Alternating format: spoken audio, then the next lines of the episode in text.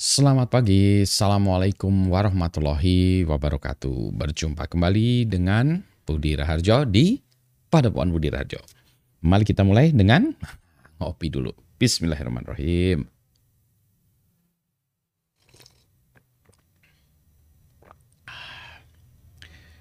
Ini agak kesiangan pagi ini, tapi ini kopi pertama saya pagi ini. Tapi tetap saja rasanya oh, enak banget. Aduh, ya. Kok aduh kalau enak enak tuh harusnya alhamdulillah bukan aduh. Jadi begini. Saya mau cerita tentang presentasi.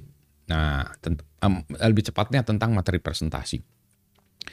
Uh, sering kali kalau uh, saya memberikan presentasi, saya sering memberikan presentasi, si panitianya meminta Pak minta uh, apa uh, materi presentasinya dulu gitu ya saya eh, jarang memberikan materi presentasi dahulu kepada panitia eh, karena dua hal. Satu, materi presentasinya emang belum jadi. Tapi bukan itu ya, yang alasan utamanya bukan itu. Kalaupun sudah jadi, belum tentu saya berikan kepada panitia. Kenapa demikian? Eh, karena saya tidak ingin eh, apa membocorkan surprise yang ada di dalam materi presentasi itu. Ini kayak kalau kita cerita lawaan, kalau lawaannya udah diceritakan di depan nggak lucu lagi ya kan ya. Orang-orang dari sini oh iya itu ya lawa, uh, lawaannya udah nggak lucu lagi gitu. Jadi orang-orang udah tahu uh, mau ini jadi ya nggak menarik ya. Uh, sama kalau orang oh ini ya kalau di lawaannya di sini tuh kalau sholat taraweh itu ya ada sholat ah kulhu gitu habis itu ah kulhu deh habis itu kulhu lagi gitu ya jadi ya surat, surat andalannya adalah kulhu ya Aduh ya, ya jadi orang tahu udah tahu jadi nggak surprise. Ini suratnya apa nih ya? Surat yang mau dibacakan. Kulhu deh, ya, kulhu lagi. Uh, itu juga ya sama ya. Jadi uh, tidak ada surprise. Ya. Jadi uh, no, orang tidak menanti. Demikian pula kalau saya ngajar ya. Kalau saya ngajar biasanya materi presentasi saya berikan di akhir. Seharusnya tidak demikian. Seharusnya materi presentasi diberikan di awal. Kalau untuk mahasiswa yang motivated, maka materi di presentasi di awal itu bisa dilihat dengan cepat oleh mahasiswa ya, di skimming istilahnya. Kemudian dia bisa melakukan melihat antisipasi mana bagian yang dia kurang mengerti sehingga nanti pas dosen yang ngajar dia sangat perhatian di bagian itu. Tetapi kalau di di Indonesia ini kalau materi dibagikan di awal nggak kayak gitu ya dibagikan di awal malah mahasiswanya bilang ah saya udah dapat materinya. Nanti pas lagi kuliah saya tidur aja. Toh saya udah dapat materinya. Salah itu sebenarnya salah ya trading salah. Itu itu tidak saya anjurkan ya. Saya termasuk yang pertama tadi ya. Ngelihat oh saya nggak ngerti ini maka saya perhatian yang itu. Sisanya saya tidur.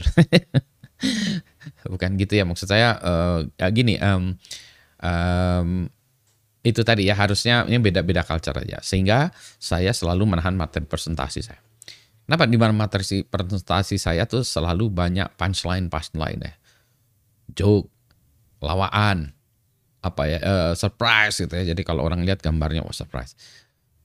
Pernah soalnya saya berikan materi presentasi saya dulu, terus oleh si uh, pembacaranya ya atau panitianya itu mungkin dibuka oleh apa keynote-nya atau speech-nya atau apa pejabat dari apa instansi yang bersangkutan atau organisasi yang bersangkutan ya dia udah mengomentari materi saya ya.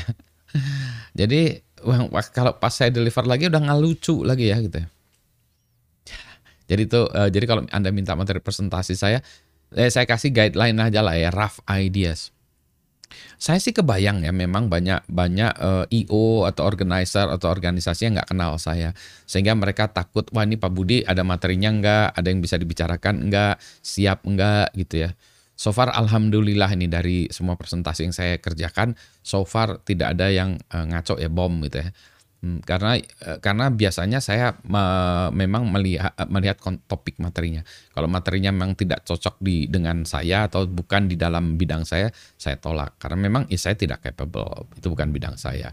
Kalau itu bidang saya barulah saya ambil ya karena memang itu bidang saya dan kalau itu eh, kalau kata orang nggak perlu persiapan di I'll wing it ya, di wing it itu istilahnya kalau bahasa Inggris tuh inilah ya uh, saya langsung aja lah jereng weh gitu ya.